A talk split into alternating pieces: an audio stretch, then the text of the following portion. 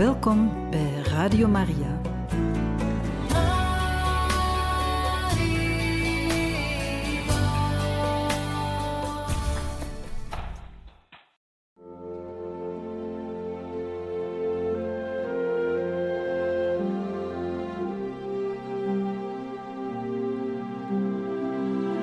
Beste luisteraars van Radio Maria, welkom bij het programma Catechismus.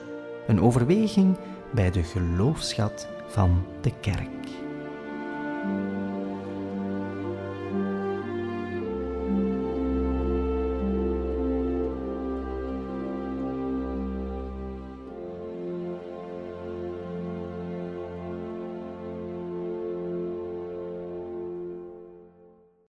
Beste luisteraars, van harte welkom bij deze catechese over de heilige Theresia van Lisieux.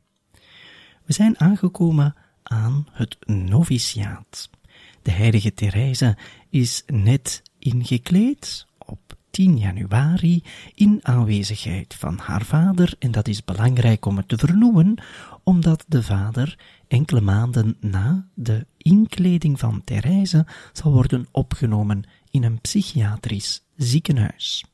Dit zorgt voor veel lijden. En we hebben het al vaker vernoemd, maar Therese spreekt zelf vaak over het lijden.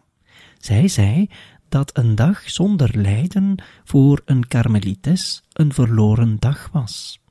Dit is voor ons vaak heel moeilijk te begrijpen hoe men zo over het lijden kan denken en hoe men het lijden zomaar kan aanvaarden. Maar misschien moeten wij dat allemaal eventjes op een rijtje zetten. Want voor Therese is het lijden niet in de eerste plaats iets wat ze enkel en alleen maar opzoekt, maar het hoort wel bij het leven. En het grootste verlangen dat Therese heeft, is om te gelijken op Jezus Christus. En van Jezus Christus, want wij verkondigen nu eenmaal een gekruisigde Christus, is het geweten dat hij heeft geleden. Om dus te willen gelijken op Jezus Christus, daarom aanvaardt Therese het lijden dat elke dag op haar weg komt. En dat lijden zit soms in de kleine dingen. In de kleine dingen, door een misverstand met een of andere zuster, een roddel te verdragen die over haar of haar familie gaat. En dan natuurlijk het grotere lijden van het weten dat de vader met een moeilijke gezondheid zit, enzovoort. Al dat lijden komt op haar weg, en zij tracht altijd meer te gelijken op haar Heer en Meester Jezus Christus. Er is nog iets dat haar zal helpen om het lijden op een betere en gemakkelijkere manier te aanvaarden. Dat is namelijk de geest van de armoede beleven. Wij denken al te vaak dat rijkdom gelukkig maakt. In vele gevallen kan dat soms wel helpen. Maar Therese weet waar haar echte rijkdom zit. En het is door die rijkdom in Jezus Christus te zoeken dat zij gelukkig zal worden. Over die armoede schrijft zij het volgende in haar autobiografie. Sinds mijn inkleding had ik al overvloedige inzichten gekregen in de religieuze volmaaktheid, in het bijzonder op het punt van de gelofte van armoede. Tijdens mijn tijd als postulante was ik blij als ik mooie dingen in gebruik had en al het nodige bij de hand had. Mijn geestelijke leidsman verdroeg dat geduldig, want hij houdt er niet van om alles tegelijk te laten zien aan de zielen. Gewoonlijk geeft hij zijn inzichten beetje bij beetje. In het begin van mijn geestelijke leven, toen ik zo'n jaar of dertien, veertien was, vroeg ik mij af wat ik nu nog bij kon winnen, want ik dacht dat het voor mij onmogelijk was om nog een dieper inzicht te verkrijgen in de volmaaktheid. Ik heb toen al gauw ingezien dat hoe verder je op die weg voortgaat, hoe verder je nog denkt van het doel verwijderd te zijn. Ik berust er nu maar in te constateren dat ik steeds onvolmaakt blijf en ik ben er blij om. Ik kom nu weer terug op de lessen die ik van mijn geestelijke leidsman kreeg. Op een avond, na de completen, zocht ik tevergeefs naar ons lampje op de planken die daarvoor bestemd zijn. De grote stilzwijgendheid was net begonnen, dus kon je er onmogelijk om gaan vragen. Ik begreep wel dat een of andere zuster per vergissing mijn lampje meegenomen had in plaats van het hare. En ik had het echt hard nodig. In plaats van daarover verdrietig te zijn, was ik heel blij, want ik voelde dat de armoede erin bestaat niet alleen om onthand te zijn van allerlei prettige dingen, maar zelfs van onmisbare dingen. Op die manier werd ik innerlijk verlicht, terwijl ik uiterlijk in het donker zat. Therese wil de armoede beleven. En zij zoekt dat in het niet gehecht zijn aan zelfs de kleine dingen, zelfs de noodzakelijke dingen. En Therese vindt die. En voor haar is dat een weg naar een zekere volmaaktheid, die zij werkelijk zoekt. En waarom zoekt ze die? Niet enkel voor zichzelf, maar wederom om te gelijken op Jezus Christus. De geestelijke leidsman hier over sprake in haar geschriften is natuurlijk Jezus zelf, die door zijn Heilige Geest ons het inzicht geeft van wat er noodzakelijk is in ons leven. En Therese schrijft verder. Rond die periode kreeg ik echt een voorliefde voor de lelijkste en de minst comfortabele dingen. Zo vond ik het fijn toen het mooie kruikje uit onze cel werd weggehaald en ik een lompe kruik kreeg die aan de rand helemaal beschadigd was. Ik deed ook erg mijn best om mij niet te verontschuldigen, en dat vond ik erg lastig, vooral bij onze novicenmeesteres, voor wie ik niets had willen verborgen houden. Ik zal u hier mijn eerste overwinning vertellen. Het is niet zo'n grote, maar het heeft mij veel moeite gekost.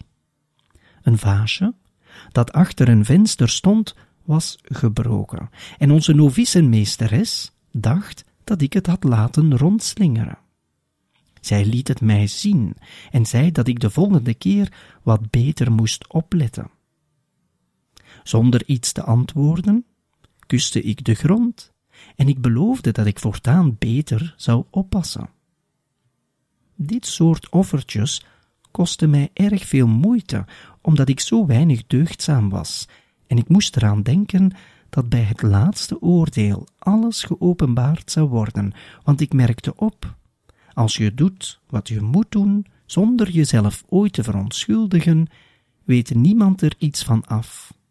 Maar de onvolmaaktheden vallen juist direct op. Therese spreekt over een overwinning, een innerlijke strijd. Een innerlijke strijd om zich niet te verontschuldigen, om geen uitvluchten te zoeken, maar gewoon alles te aanvaarden, terecht of soms zelfs onterecht. Dit is enkel natuurlijk van toepassing op het geestelijke leven. We moeten niet naïef zijn, en Therese is verre van naïef. Maar zij ziet in de kleine dingen van de dag altijd een mogelijkheid om te offeren, en zo haar weg naar de volmaaktheid verder te gaan. Volmaaktheid die zij alleen zal vinden in het gelijken op Jezus Christus. En jawel, ook voor ons zijn de kleine offertjes vaak heel moeilijk. Maar met de hulp van Therese zal ons dat misschien helpen om voortaan, zoals Therese, minder te klagen, vaker aan Jezus te denken en altijd het vooruitzicht behouden van onze ontmoeting met Jezus Christus. En dat is hetgeen dat Therese recht houdt. Het vooruitzicht op het eeuwig leven. Zo dadelijk, beste luisteraars, gaan we hierop verder, over deze deugd van de armoede.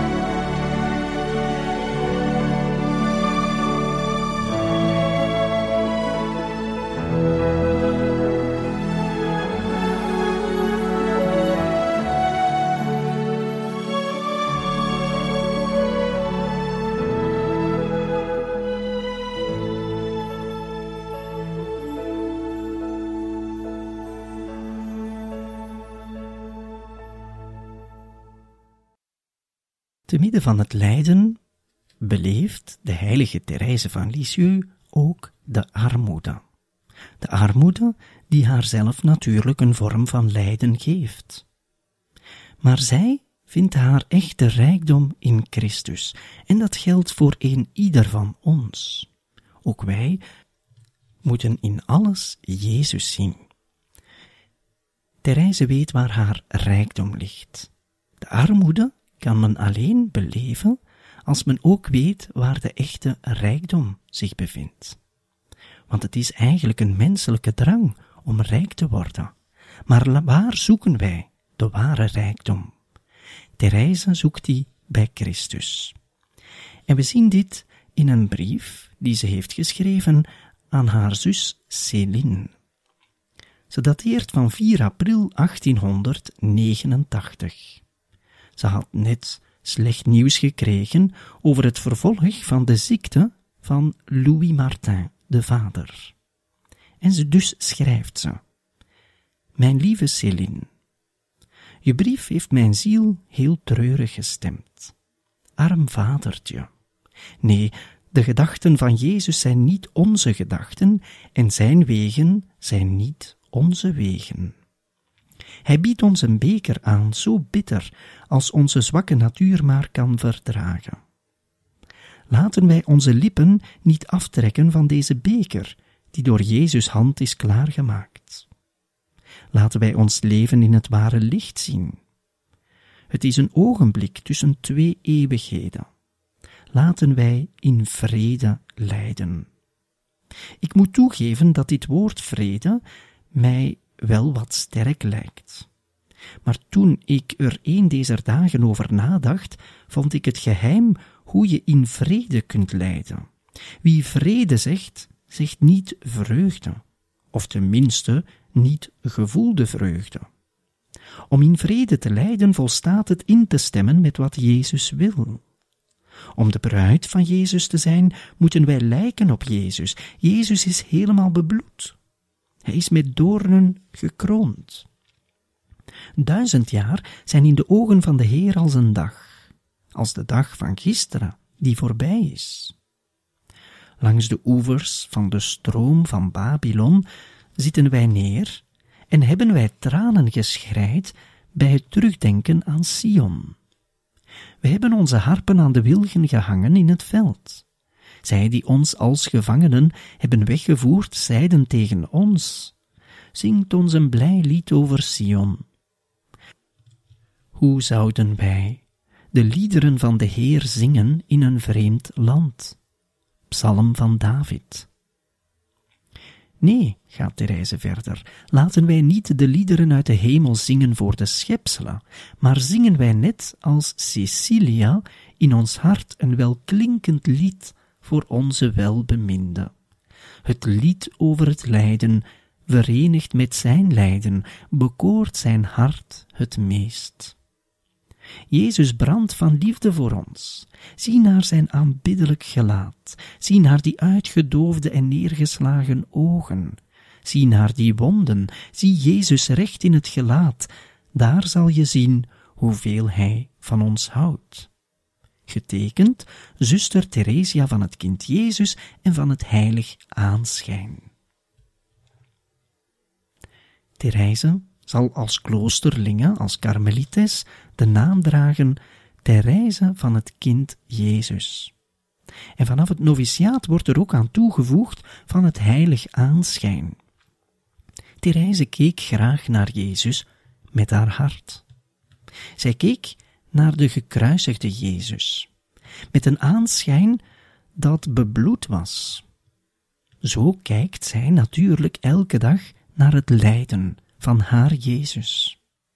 En het is doorheen die wonden te zien dat ze haar eigen lijden een plaats geeft. En dat is de rijkdom die zij terugvindt in Jezus. Want het is Jezus die die genade geeft. In die laatste brief viel er ook op dat zij een grote passage uit de Bijbel citeert. Over de gezangen, gezangen aan de oevers van de stroom van Babylon. Therese zal haar kracht putten die ze nodig heeft te midden van het lijden, te midden van de armoede, in de Heilige Schrift. Hierover kunnen we eigenlijk heel gemakkelijk uitweiden. Hoe staat het bij ons met onze lezing uit de Heilige Schrift, het Woord van God?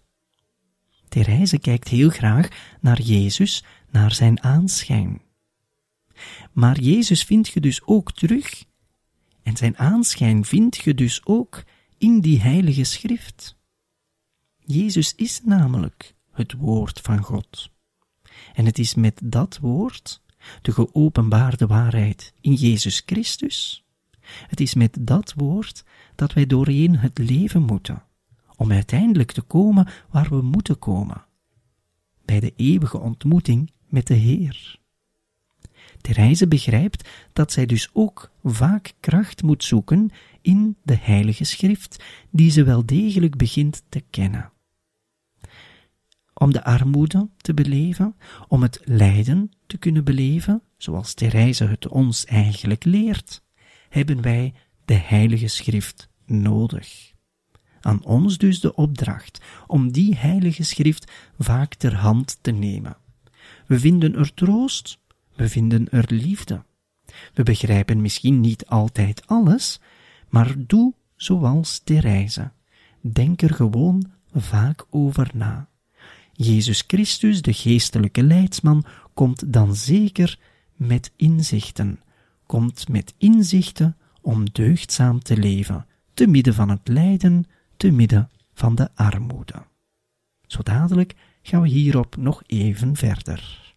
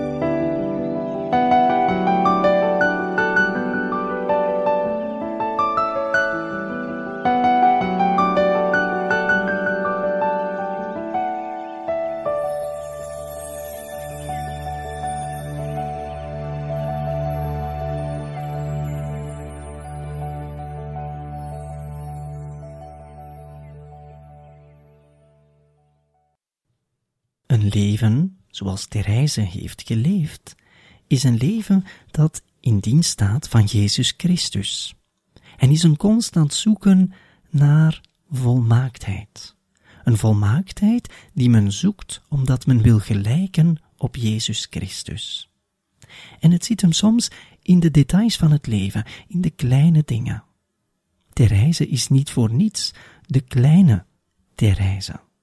De kleine, omdat zij die volmaaktheid beleeft in de details van het leven, die Jezus zo aangenaam zijn.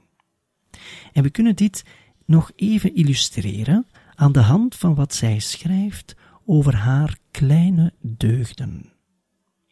Zij schrijft: Ik leg mij er vooral op toe om de kleine deugden te beoefenen, want voor de grote had ik weinig gelegenheid.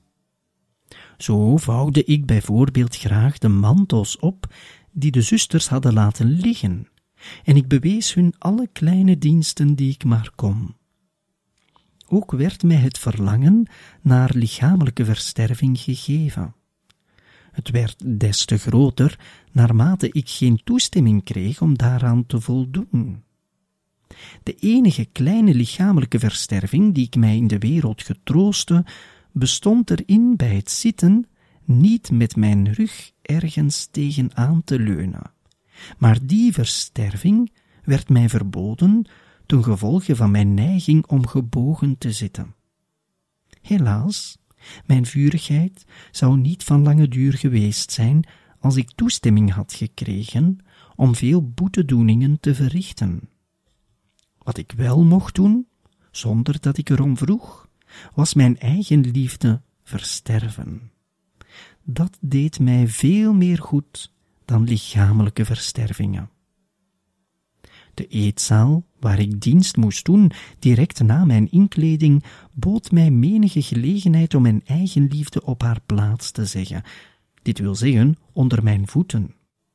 Het is waar dat het voor mij een hele troost betekende dat ik dezelfde dienst mocht verrichten als u, lieve moeder, en van dichtbij uw deugden kon waarnemen.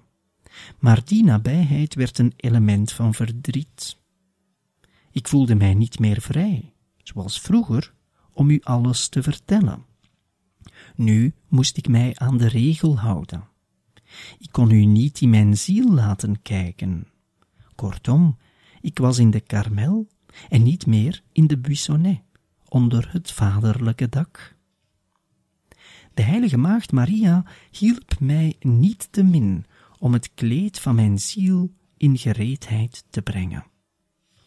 Toen dat eenmaal klaar was, gingen de moeilijkheden vanzelf over. Monseigneur stuurde mij de toestemming waar ik om gevraagd had. De kloostergemeenschap wilde mij wel opnemen en de dag voor het afleggen van mijn geloften werd bepaald op 8 september. Alles wat ik zojuist in weinig woorden heb neergeschreven, zou heel wat bladzijden vergen als ik op alle bijzonderheden zou ingaan. Maar die bladzijden zal men op aarde nooit te lezen krijgen. Het duurt niet lang meer, lieve moeder, dan zal ik over die dingen met u spreken in ons vaderhuis, in de mooie hemel, waar de verzuchting van ons hart naar uitgaat. Mijn bruidskleed was gereed. Het was versierd met oude juwelen die ik van mijn verloofde had gekregen. Maar dat was voor zijn vrijgevigheid niet genoeg. Hij wilde mij een nieuwe diamant geven, met talloze lichteffecten. De beproeving van papa, met al de droevige omstandigheden daaromheen, waren de oude juwelen, en de nieuwe beproeving was, naar het uiterlijke te oordelen, heel bescheiden maar ik had er toch veel van te lijden. Sinds enige tijd werd ervoor gezorgd dat onze lieve vader, die een beetje beter was, in een wagentje uitrijden ging. Er werd zelfs over gesproken om hen met de trein naar ons te laten komen. Céline kwam natuurlijk meteen op het idee dat wij daarvoor de dag van mijn sluierneming moesten kiezen, om hem niet te vermoeien, zei ze zal ik hem niet de hele plechtigheid laten bijwonen. Alleen aan het einde zal ik hem gaan halen en hem dan heel zachtjes tot bij de tralies brengen, zodat Therese daar zijn zegen kan ontvangen. Ach, daar herken ik echt het hart van mijn lieve Céline in. Het is wel waar dat de liefde nooit iets onmogelijk vindt, want zij gelooft dat alles mogelijk is voor haar en dat zij alles mag. De menselijke voorzichtigheid daarentegen huivert bij elke stap en durft om zo te zeggen geen voet te verzetten. De goede God, die mij op de proef wilde stellen, bediende zich dan ook van haar als van een handzaam instrument, en de dag van mijn bruiloftsfeest was ik een echt weeskind. want toen had ik geen vader meer op aarde en kon ik vertrouwvol naar de hemel opzien en naar waarheid zeggen, Onze Vader die in de hemelen zijt. Zo beschrijft Therese in haar autobiografie het einde van haar noviciaat. We zijn in de tijd eigenlijk vooruit gegaan. We zijn in het jaar 1890 beland. Het zal op 8 september zijn, feestdag van de geboorte van de heilige maagd Maria, dat Therese haar professie zal doen. Wanneer we spraken over haar inkleding, hadden we het reeds over een vorm van verloving. Ze heeft zich gebonden aan Jezus Christus, met de belofte zich daaraan te houden. Maar het is pas op de dag van de professie dat ze meer een huwelijk binnengaat. Een huwelijk mystiek met Jezus Christus. En dat is dus op 8 september 1890, anderhalf jaar later dan haar inkleding. Ze heeft dus in dat anderhalf jaar een noviciaat gekend, waarbij ze het lijden heeft verdiept en zeker ook het leven in armoede. Over dat lijden zullen we het later in een andere catechese zeker ook nog hebben. Maar nu is het belangrijk om te weten dat Therese haar lijden zoekt in de kleine dingen, in de kleine dingen van het leven die zij durft aanvaarden, door op alles bijvoorbeeld op een geliefde manier te reageren. En zo zal Therese haar weg naar volmaaktheid beleven, om te gelijken op Jezus Christus, naar het aanschijn van wie zij elke dag kijkt. Zij, de heilige Therese van het kind Jezus en van het heilig aanschijn. Daarover later meer.